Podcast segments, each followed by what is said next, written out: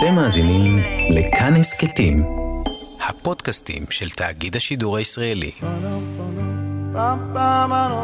כל ישראל, אוצרות הארכיון.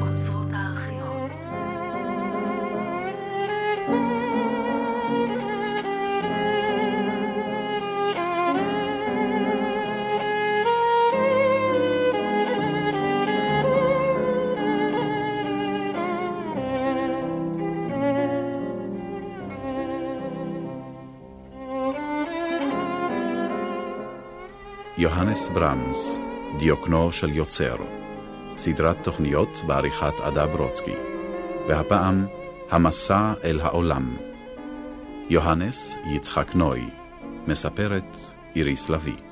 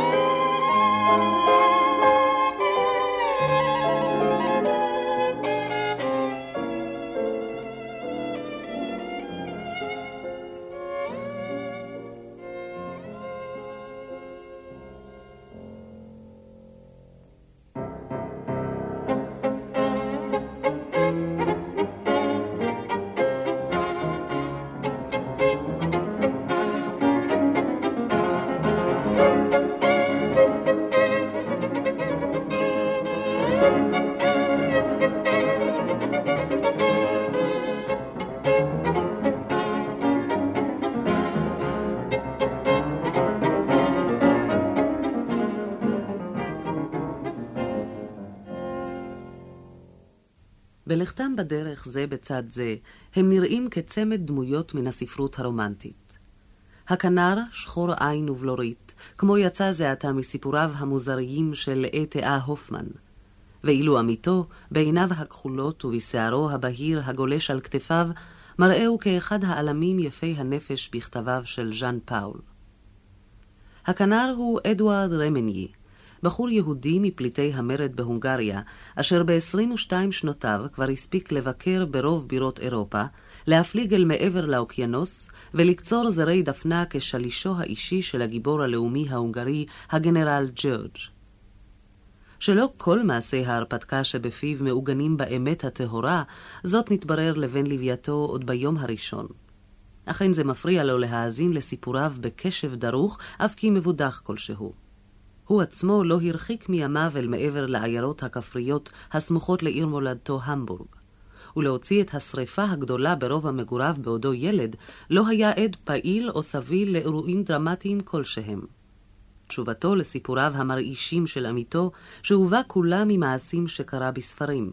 אך אלה יוצאים מפיו בהזדהות כה נלהבת, שהם מתקבלים על ידי חברו ברצון סלחני, אפילו בעניין. הוא עצמו נאלץ, לדבריו, להזניח את הקריאה לטובת החיים. ומבחינה זו, כמו גם מבחינות אחרות, הוא מוכן להודות שהוא ובן לווייתו משלימים זה את זה.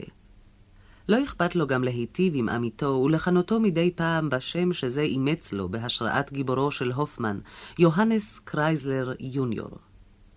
באשר לבחינות האחרות, שבהן שותפותן עולה יפה, הכוונה מן הסתם לפעילות המוסיקלית, שבה הפסנתרן המלווה מספק את היסוד הסולידי, בעוד הכנר מוסיף את הגינונים הווירטואוזיים ואת האש של בן הפוסטה. אפילו את סונטת קרויצר הוא מאתר מדי פעם בסיומות האופייניות לניגוני הצוענים, תוך קריצת עין לפסנתרנו המזועזע ומשועשע כאחת.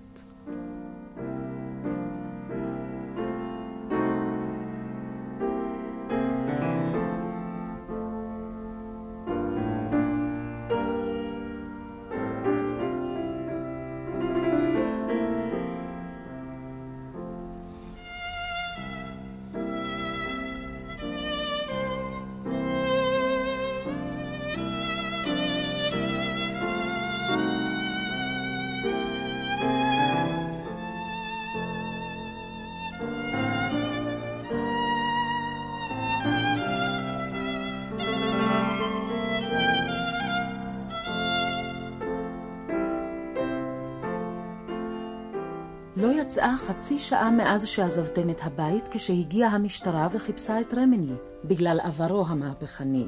איזה מזל שאיחרו את המועד. אני מקווה שכבר הגעתם לצלע ושאתם עליזים שם יותר משהייתם כאן. עליך לדאוג תמיד שרמני יהיה במצב רוח טוב, כי זולת אלוהים אין לכם בעולם הזר אלא איש את רעהו. אתמול היה יום ההולדת שלי. היינו עליזים מאוד ושתינו כוס פונש ביצים לחייכם.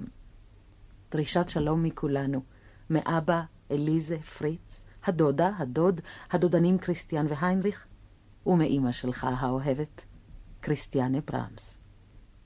הם עושים את דרכם ברגל, ורק פה ושם עוברים כברת דרך במרכבת הדואר הנינוחה. את הערים הגדולות הם עוקפים, ובוחרים להם את העיירות הקטנות שלא פונקו במוסיקאים אורחים.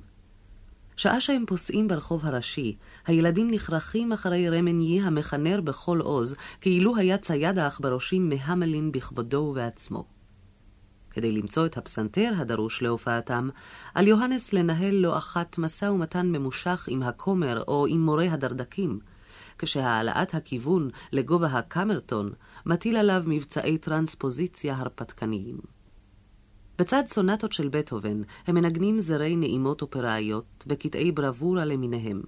בהם מבחר של אותן נעימות צועניות שאף הקהל המשועמם ביותר אינו יכול לעמוד בפניהן. בבוא העת ייעזר יוהנס בנעימות אלה של חברו משכבר הימים לשם פריצת הדרך הגדולה אל חיבת הקהל, שתהפוך אותו בן לילה מקומפוזיטור לאניני הטעם למלחין הפופולרי ביותר באירופה.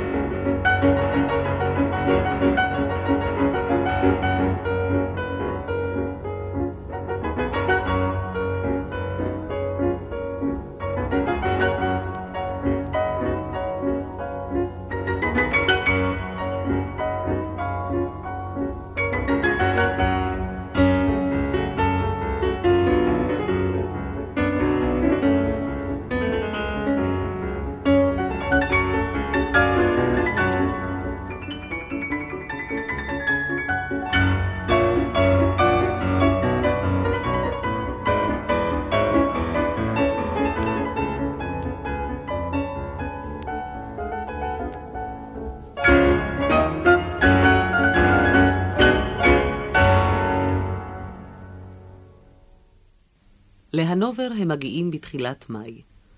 רמני, המאמין בתועלתם של קשרים טובים, מכיר את המנהל המוסיקלי בחצר, את הכנר המהולל יוזף יואכים, מימי לימודיהם המשותפים בקונסרבטוריון של וינה, ומציע לנצל את ההיכרות לשם ארגון קונצרט לפני המשפחה המלכותית.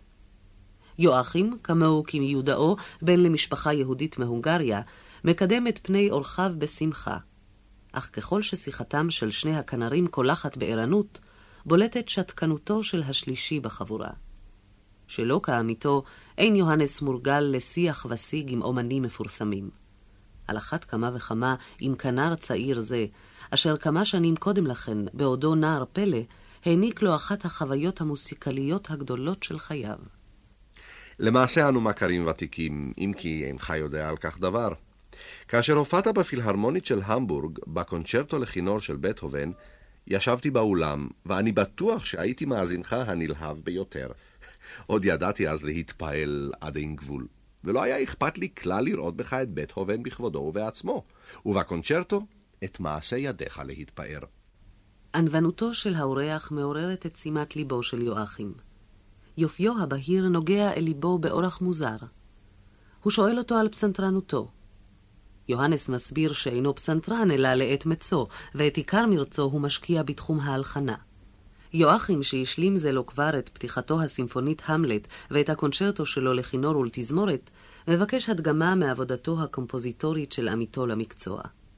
זה נעתר מיד, ומשמיע את הסקרצו במי במול מינור, את הסונטה בדו מג'ור, ולקינוח את שירו אהבה נאמנה. יואכים, שהכין עצמו לקראת תרגילי הבכורה של תלמיד מוכשר, עומד המום. ברמס הוא כישרון קומפוזיטורי יוצא מגדר הרגיל. רק בהיחווה יכולה הוויה כשלו להתפתח במלוא טהרתה. זכה כיהלום, רכה כשלג. נגינתו חדורה אותה אש אינטנסיבית, אותה, הייתי אומר, אנרגיה פטליסטית ודייקנות המקצב המבשרות את האומן. וחיבוריו מגלים כבר עכשיו כל כך הרבה דברים חשובים ומוגמרים, כפי שלא פגשתי אותם עד כה אצל אף אחד מפרחי האומנות בגילו.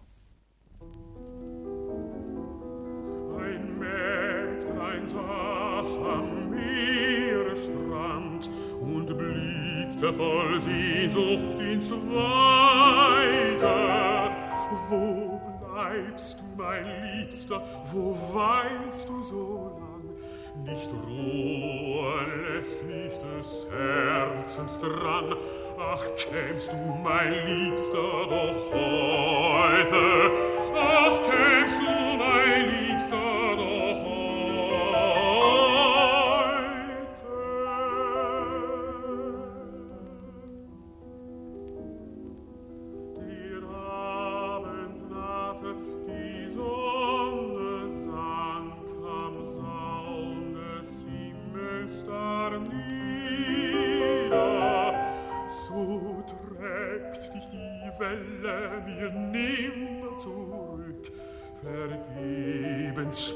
in die Ferne mein Blick.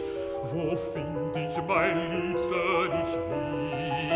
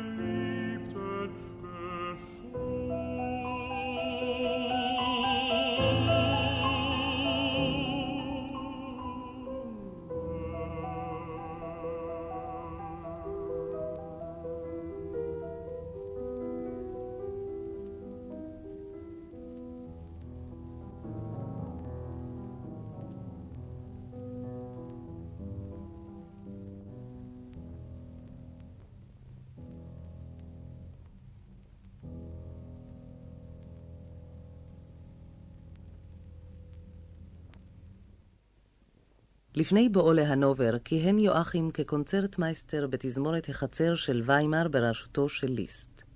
עתה הוא דוחק בצמד אורחיו שיחדלו מנדודיהם חסרי המטרה, ויעלו לרגל אל הכהן הגדול של מוסיקת העתיד, שהקים את מעוזו, מעין גתה של המוסיקה, בעירו של מלך המשוררים המנוח. יואכים עצמו עומד לעשות את חודשי הקיץ בלימודי היסטוריה ופילוסופיה באוניברסיטה של גטינגן, בהתאם לאידאל של האדם ההרמוני, כפי שקיבלו מידי ידידו ופטרונו המנוח פליקס מנדלסון. בשיחה בארבע עיניים הוא מזמין את יוהנס לבוא ולהתארח בדירת הסטודנטים שלו, במקרה שהשותפות עם עמיתו, בעל המזג הצועני, תעלה על סרטון. בינתיים הוא מבטיח לאורחיו שיקדים את בואם לוויימר במכתב המלצה נלהב, העתיד ליישר לפניהם את כל ההדורים.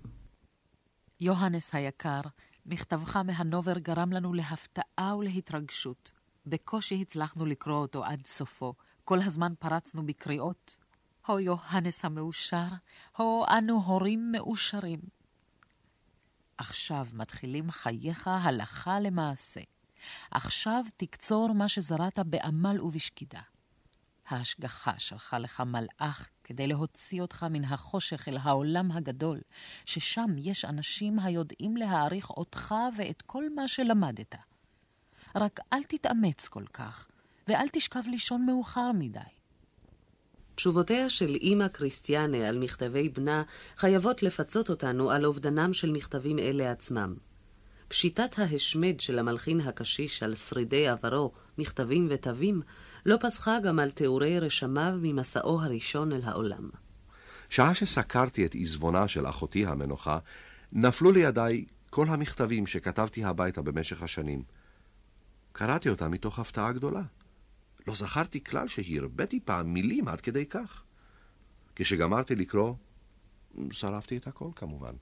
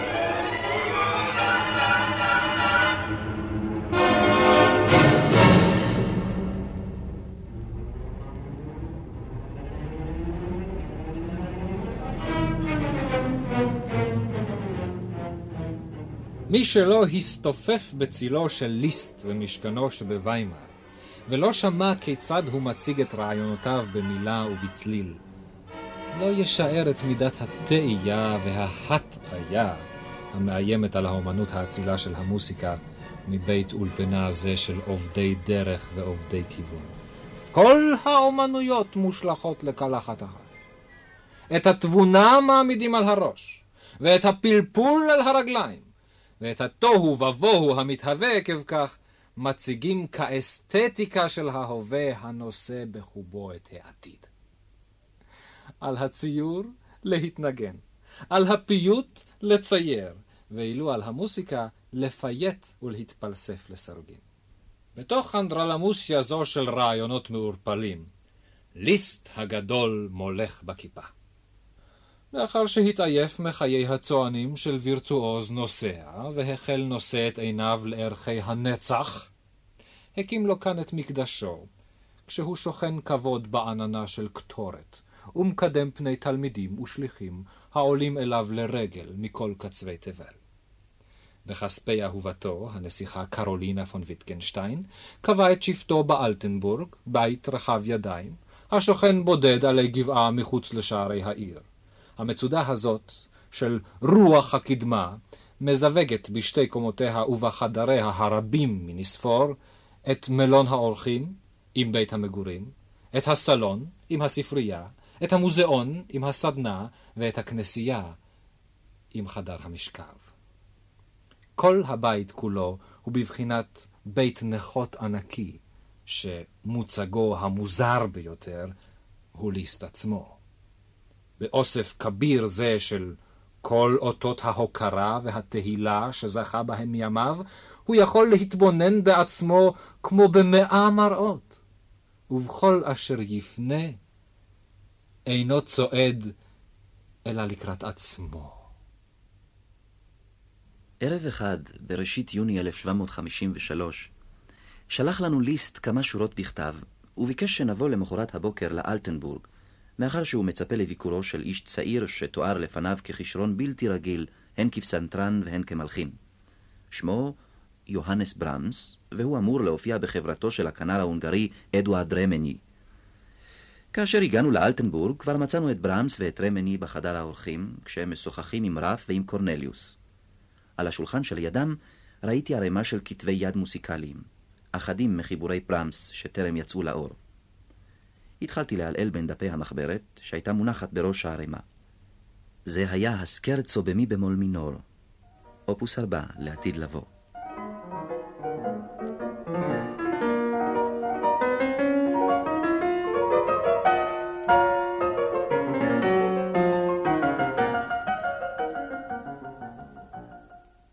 ניסיתי להתרשם מטיבו של החיבור על פי מראה העיניים, אך הכתב היה בלתי קריא במידה כזאת שלא הבינותי דבר.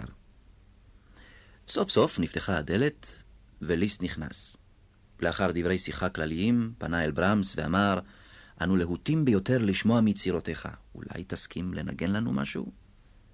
ברמס, שנראה עצבני ביותר, השיב שאין ביכולתו בשום אופן לנגן במצב זה של מבוכה, ולמרות הפצרותיהם הדוחקות של ליסט ורמני, אי אפשר היה להניעו שיתקרב לפסנתר. ליסט הבין כי בדרך זו לא ישיג דבר. הוא ניגש אפוא לשולחן, לקח בידו את החיבור שהיה מונח בראש, אותו סקרצו במי במול מינור, ואמר, אם כך, אאלץ לנגן בעצמי. הווירטואוזיות המדהימה שלו בנגינת פרימה ויסטה הייתה מן המפורסמות. אף על פי כן חלפו בינינו מבטים של דאגה, שמא במקרה זה האמון שרכשנו לו כעשוי ללא מידע עלול להתערער. ממש רעדתי כשהניח את הסקרצו לפניו על הקן. אלא שלא היה מקום לכל חשש. הוא קרא את החיבור בשליטה וביטחון כה מבריקים, כשתוך כדי נגינה הוא מאיר הערות כל אות על טיבו ועל תכונותיו, שלא רק אנחנו, אלא גם ברמס עצמו נראה נפעם ונרעש. רף העיר כי קטעים אחדים מן החיבור מושפעים ככל הנראה מן הסקרצו בסי במול מינור של שופן. בעיניי נראה הדמיון קלוש מדי מכדי לייחד עליו את הדיבור.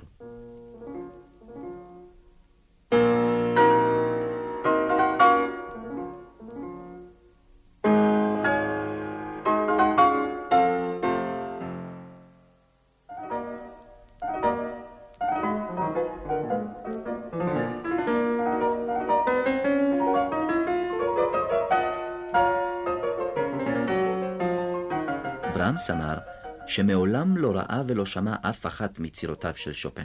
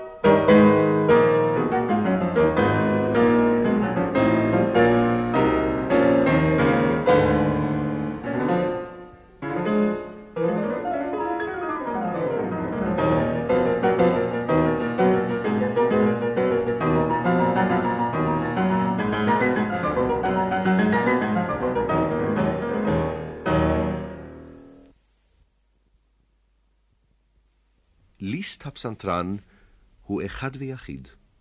מי שלא שמע אותו, מוטב שלא יפצה פה. הוא בראשון, ואחר כך, הרבה זמן, אף לא אחד. אבל בחיבוריו לא מצאתי את ידיי ואת רגליי. כל המקום הזה לא היה בשבילי. מהר מאוד נוכחתי שאיני מתאים לשם. היה עליי לשקר, ולזאת לא הייתי מסוגל. במשך שלושה שבועות מתארח הבחור ממשכנות העוני במקדשה של מוסיקת העתיד. הוא שומע ומשמיע, מחליף דעות, צובר רשמים, ובצינה מפוכחת מסיק את מסקנותיו.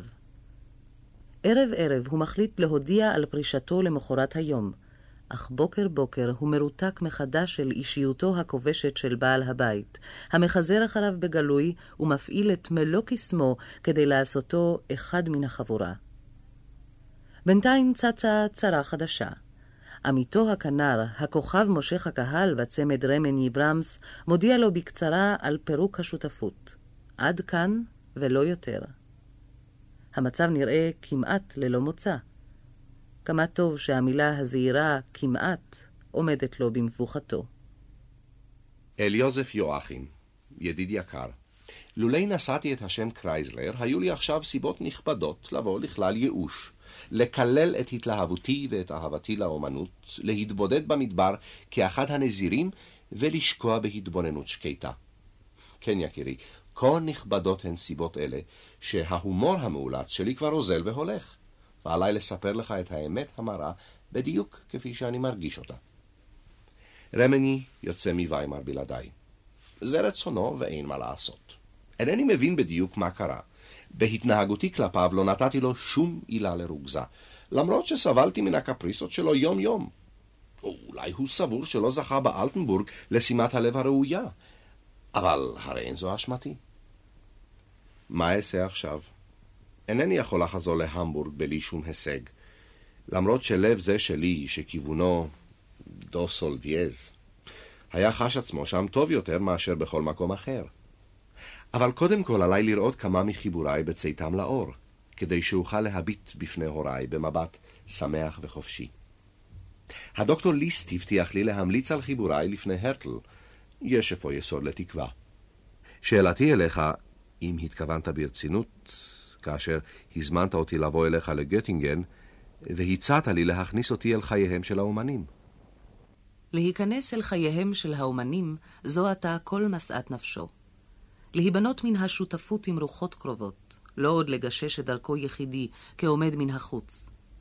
בוויימר הוצע לו כל מה שביקש, תמיכה, אהבה, שיח ושיג, בית, חברותה, אלא שלא יכול היה לקבלם מבלי לעשות שקר בנפשו. יואכים הוא איש אחר לגמרי.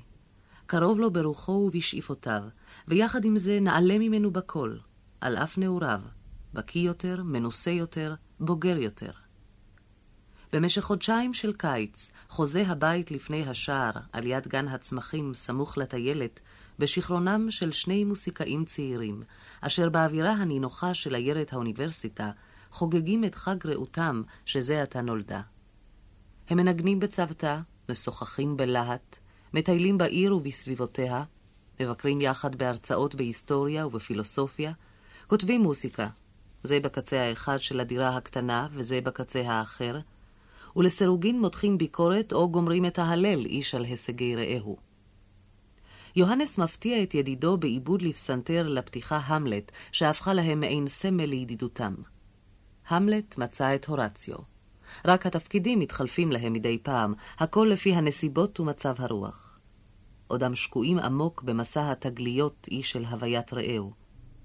בלילה הם משתלבים בהווי הסטודנטים. שניהם חובבי משקה, והבירה במרתף הסטודנטים של גטינגן היא מצוינת, שלא לדבר על הפזמונים המלווים משתאות אלה, והמוצאים את מקומם בפנקס הרשימות המפורסם בצד הנעימות הצועניות של רמניה. אלה וגם אלה עתידים לשרת את האספן החרוץ על הצד הטוב ביותר.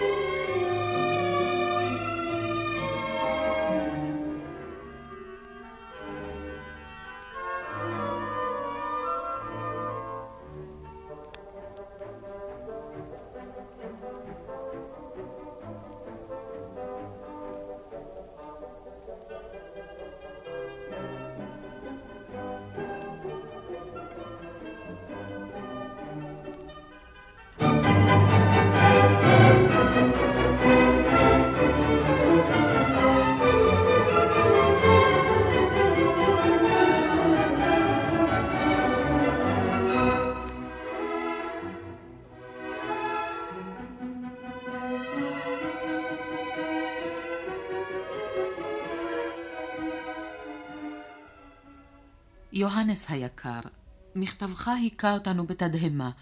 אמנם חששתי עוד למקרא מכתבך מהנובר שרמני עלול לבוא לידי קנאה, אבל לא תיארתי לי שהפירוד יבוא כל כך מהר. אני מקווה שנפרדתם ידידים, הרי אין כל טעם לכעוס עליו. הוא בוודאי חושב שטוב לו יותר בלעדיך, כי יחד איתך יוכל אולי למצוא חן לזמן קצר, אבל לא לאורך ימים. כמה יפה מצד האדון יואכים שהוא מארח אותך בנדיבות כזאת, אבל לא הייתי רוצה שתהיה תלוי בו כל כך.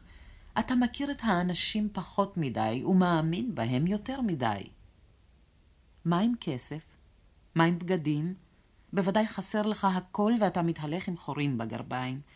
אדון מרקסן אמר לאבא מה יש לו לעשות שם בגטינגן ובהנובר, אז כבר מוטב שיחזור הביתה. אל תקשיב לאדון מרקסן.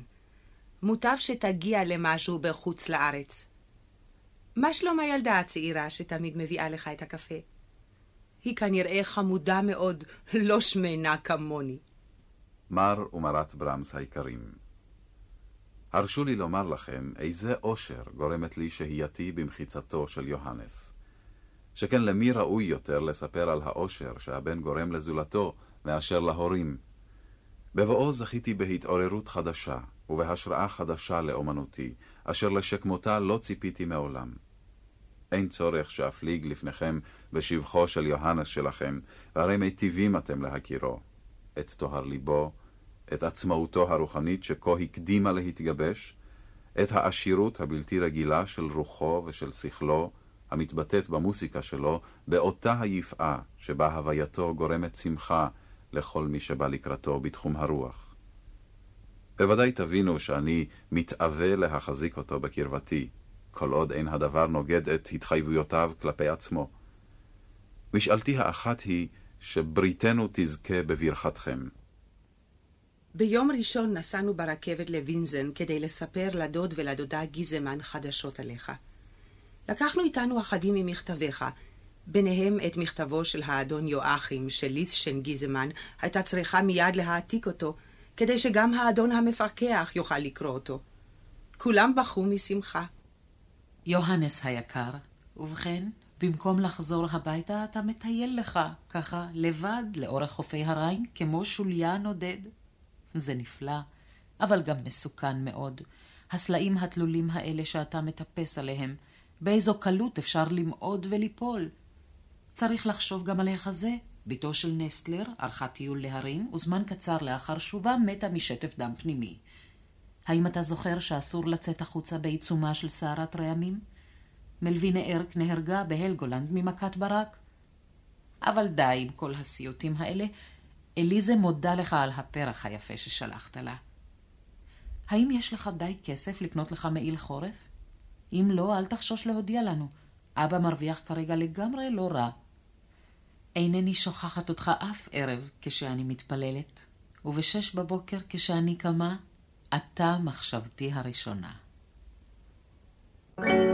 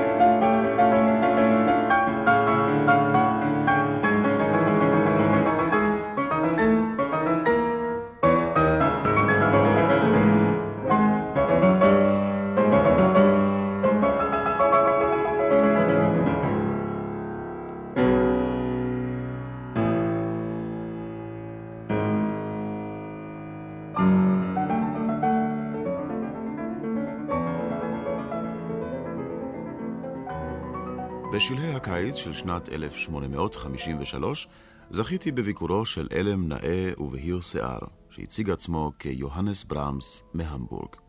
הוא בא מכיוון מיינץ, עבר את עמק הריין ברגל ונכנס אליי. מטה הנדודים ביד, התרמיל על השכם. הוא הגיש לי את כרטיס הביקור של יואכים עם הסיסמה הידועה FAA, פריי אבא איינזם, חופשי אך בודד.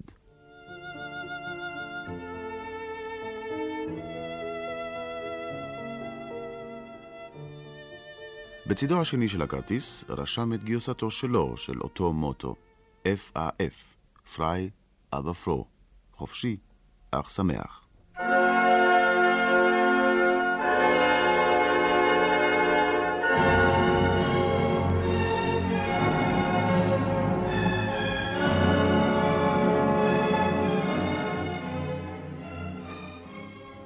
שאלתי אותו בחיוך מדוע הוא רואה סתירה בין החירות לשמחה, אבל הוא רק השיב בחיוך שכנגד, מבלי להציע הסבר. הווייתו הרעננה והבלתי מאולצת כבשה את ליבי. הזמנתי אותו להתארח אצלי לכמה ימים, והוא נענה להזמנה בלי שום גינונים. לאחר השעות הראשונות של היכרותנו, הבעתי את הרצון להתוודע אל אורחי גם מן הצד המוסיקלי, והוא השמיע לפניי כמה מיצירותיו, סקרצו וכמה פרקים של סונטה, שהרשימו אותי במקוריותם. לאחר מכן ניגן גם דברים אחרים, בייחוד זכור לי הברק המדליק שבו השמיע לפניי את הרקושי מרש המפורסם. שאלתי אותו אם לפני שובו להמבורג אין בדעתו לבקר אצל שומן בדוסלדורף. הוא הודה שיואכים כבר הודיע לשומן על בואו הצפוי, אלא שאין לו רצון רב לערוך ביקור זה. שאלתי אותו מדוע, והוא הסביר לי שבעת שבוע שומן בהמבורג שלח למלחין צרור של חיבורים למלונו, בצירוף מכתב בקשה שיועיל לחוות עליהם את דעתו. אך שומן לא מצא פנאי לבחון את החיבורים, ושלח את הצרור חזרה, מבלי לפתוח אותו כלל. מה טעם מאיפה יבוא אתה להטריח אותו שנית? אמרתי לו שאינני מסכים איתו בדבר הזה, אף אם בעת מסע קונצרטים לא הייתה דעתו של שומן פנויה לעניינים אחרים, אין זה מעיד בשום פנים על חוסר עניין. הן ידוע לי מניסיוני שלי באיזו נדיבות ובאיזו ידידות הוא נוהג באומנים הצעירים. ברמס הבטיח לי לשים את דבריי אל ליבו.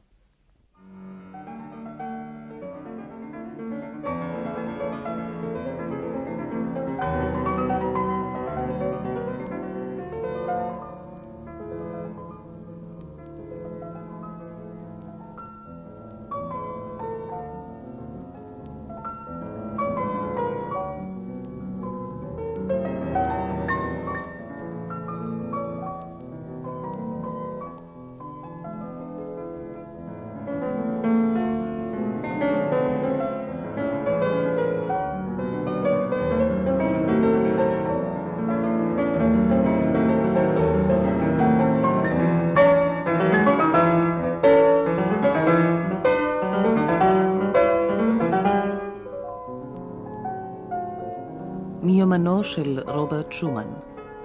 30 בספטמבר, מר יוהנס ברמס מהמבורג. 1 באוקטובר, ברמס בא לביקור. הוא גאון. 2 באוקטובר, בילוי עם ברמס. סונטה שלו בפא דיאז מינור. 4 באוקטובר, מנחה מוסיקלית אצלנו. פנטסיה של ברמס. שבעה באוקטובר, שעות עם ברמס, רביעייה שלו לכלי קשת.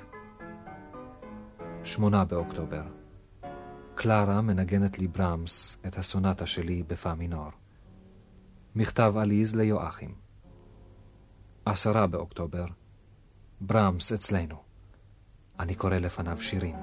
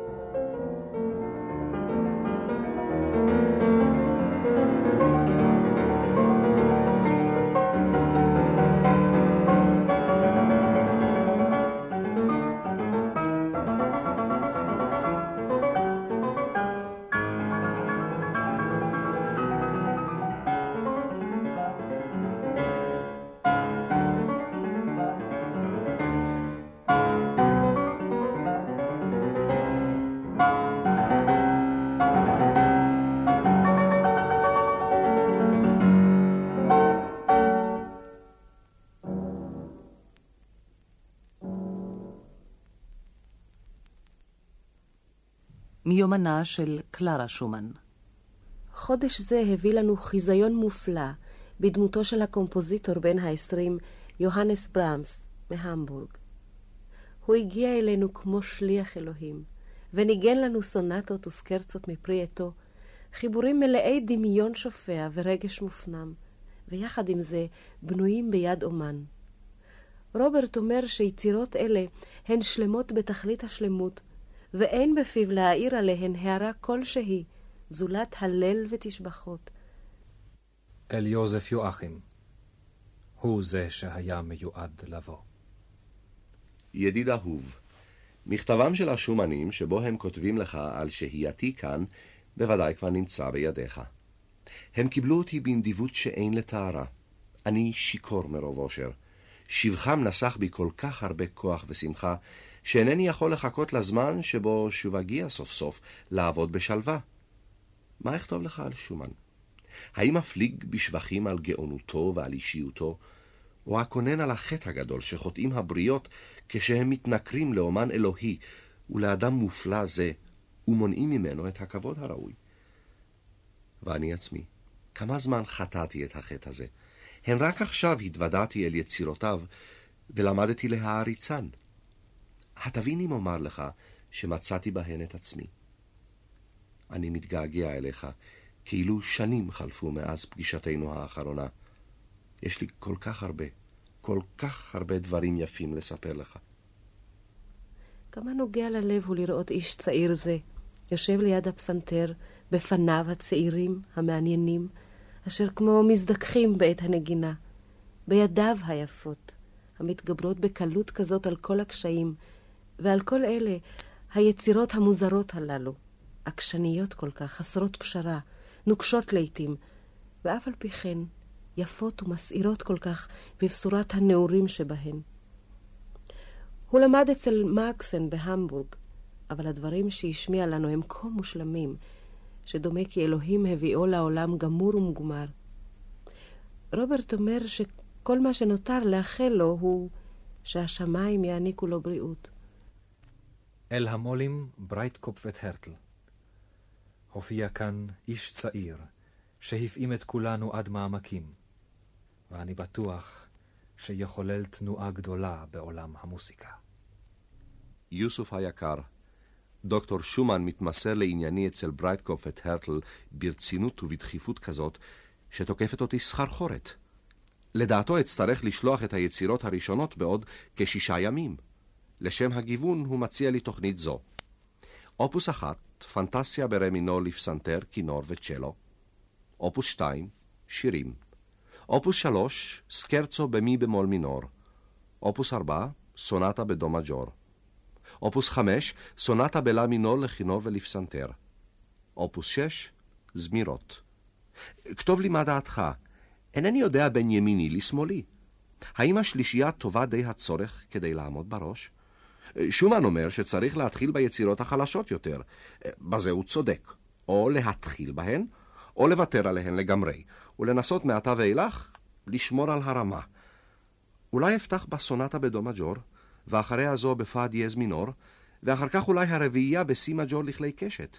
מה תאמר על כך אם אקדיש את הסונטה בדו לטוב בידידיי, הוד מעלתו, האדון קונצרטמייסטר יואכים. את הסונטה בפא דיאז מינור חשבתי אולי להקדיש למרת שומן. אבל אולי אין זה נאה להציב שמות מפוארים כאלה בראשן של יצירות בכורה.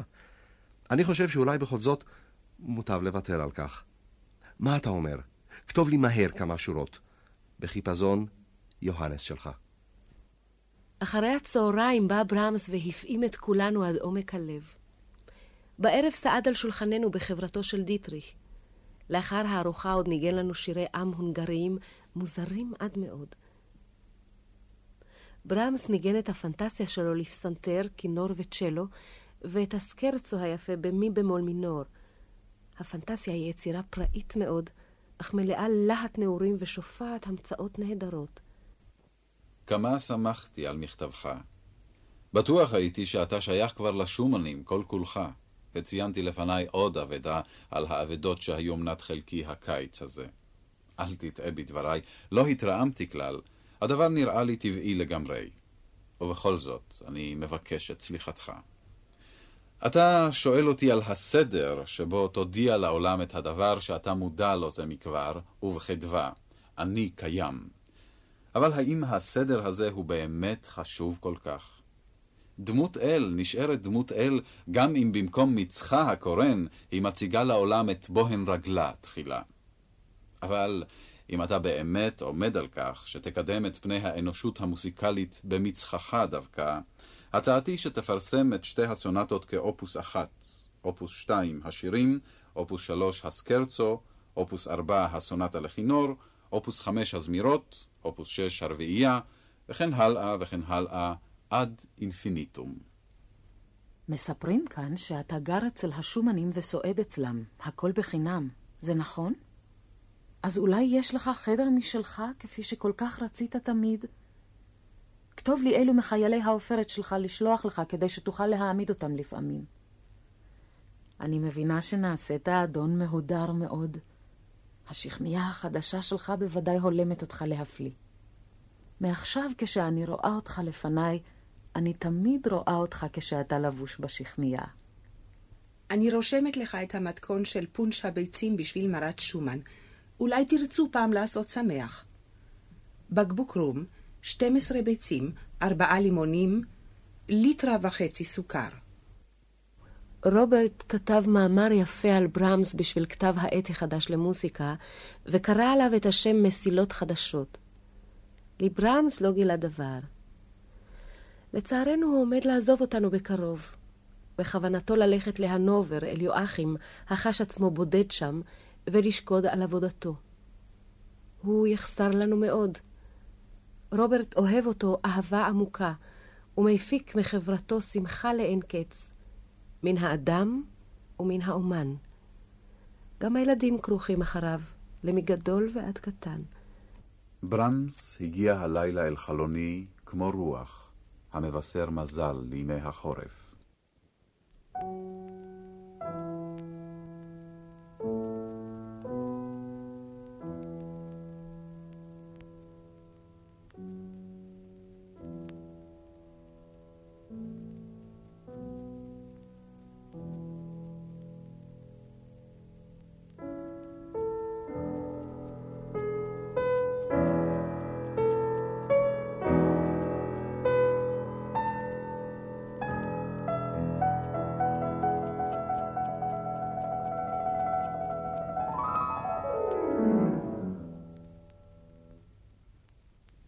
רק הבטנו בפניו, וכבר ידענו, הנה אחד פלאי. בשבתו אל הפסנתר, החל לחשוף אתרים מופלאים. כמו אחוזי כישוף נמשכנו אל המעגלים הקסומים של נגינתו, שהפכו את הפסנתר לתזמורת של קולות מקוננים ומתרוננים לסירוגין. הוא ניגן סונטות שכמותן כסימפוניות מוסוות. שירים אשר הפיוט שבהם התגלה אף בלא ידיעת המילים. קטעי פסנתר יחידים, מהם נסערים, מהם כלילי חן ונועם. גם סונטות לכינור ולפסנתר ורביעיות לכלי קשת הציג לפנינו. כל יצירה כה שונה מרעותה, עד כי נראו כנובעות ממקורות נבדלים. אך הוא כעין נהר גועש, ליכד את כולן למפל מים אדיר. מעל הגלים הפורצים אל הגיא, עלתה הקשת בענן. פרפרים שיחקו על החוף, וקול זמירים נישא למרחוק.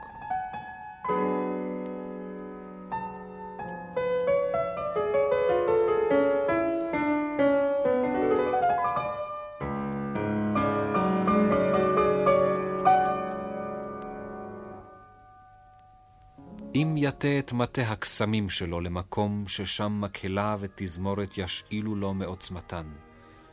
או אז נוכל לצפות להצצות מופלאות עוד יותר אל ממלכתם הקסומה של הרוחות.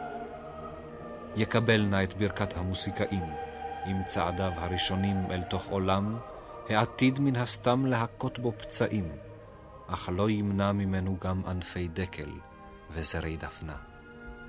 בכל עת קיימת ברית סתרים בין רוחות קרובות. אתם השייכים זה לזה, סגרו את המעגל, למען תעלה ותאיר האמת שבאומנות, ותפיץ חדווה וברכה בארץ ומלואה.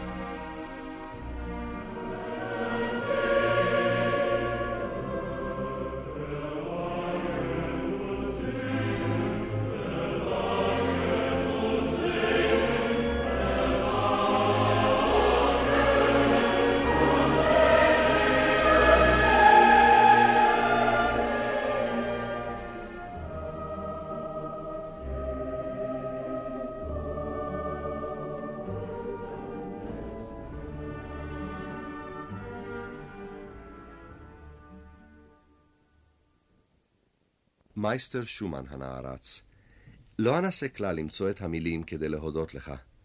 כל תקוותי היא שאוכל בקרוב להוכיח לך בעבודותיי עד כמה רוממו והלהיבו אותי אהבתך ונדיבותך.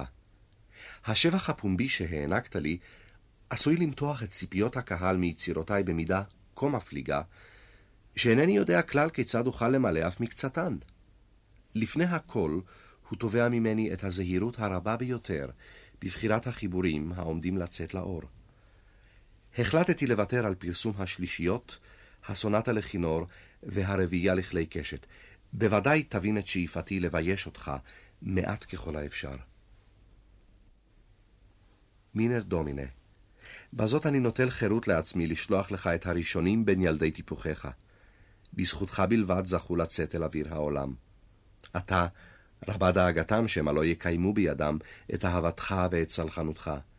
בעיניי הם נראים מבויתים ומפוחדים הרבה יותר מדי בדמותם החדשה. קשה לי להתרגל לכך, לראות ילדי טבע תמימים אלה בלבוש מהוגן שכזה. אני מצפה לפגישתנו הקרובה כדי לומר לך שהוריי ואני חבים לאהבתך היתרה את הימים המאושרים ביותר בחיינו. ראיתי את הוריי ואת מוריי כשהשמחה קורנת מעיניהם, וביליתי בקרבם ימים של עונג צרוף. לרעייתך ולילדיך אבקש למסור ברכות מקרב לב. שלכם, יוהנס. לא יצאו אלא חודשיים ימים, ומחלת הרוח של רוברט שומן תשים קץ לשמחה ולתקווה, ותטיל את בן חסותו אל תוך מבוך העתיד לתת בו את אותותיו עד סוף ימיו. אך לפי שעה עודנו שאול שיצא לבקש את האתונות, וחוזר בעטרת מלכות. אף שהדרך שבה הוא חוגג את מזלו הטוב אינה מלכותית ביותר. בטיול הולל בין מסבעות הנמל, הוא פוקד את הפסנתרים שהיו עדים להשפלתו, ובזה אחר זה מקיש בהם תרועת ניצחון פראית. נפנוף פרידה לעברו, שנסתם עליו הגולל, ושיר מזמור לחירות החדשה, אשר בקציה הגדולה וההישג.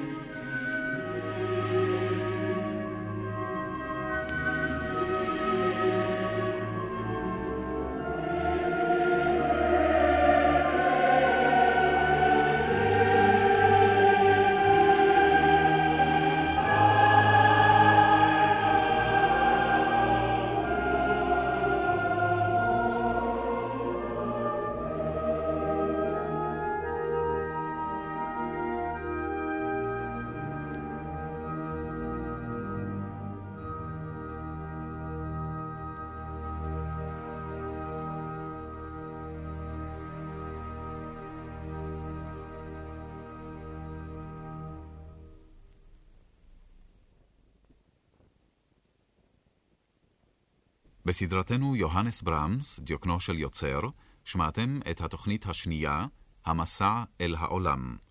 השתתפו יוהנס יצחק נוי, האם גליה נתיב, האחות נילי המאירי, המוסיקולוג בני הנדל, ויליאם מייסון, מוטי ברקן, יוזף וסילייבסקי, גבי ינון, יוזף יואכים, צבי סלטון, רוברט שומן, בני הנדל, וקלרה שומן, עליזה רוזן.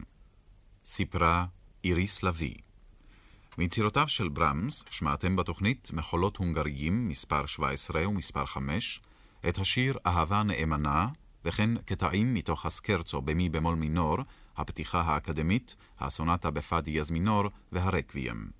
הביצוע הטכני היה בידי מוטי ארנון ושמעון מורן. את התוכנית ערכה עדה ברוצקי.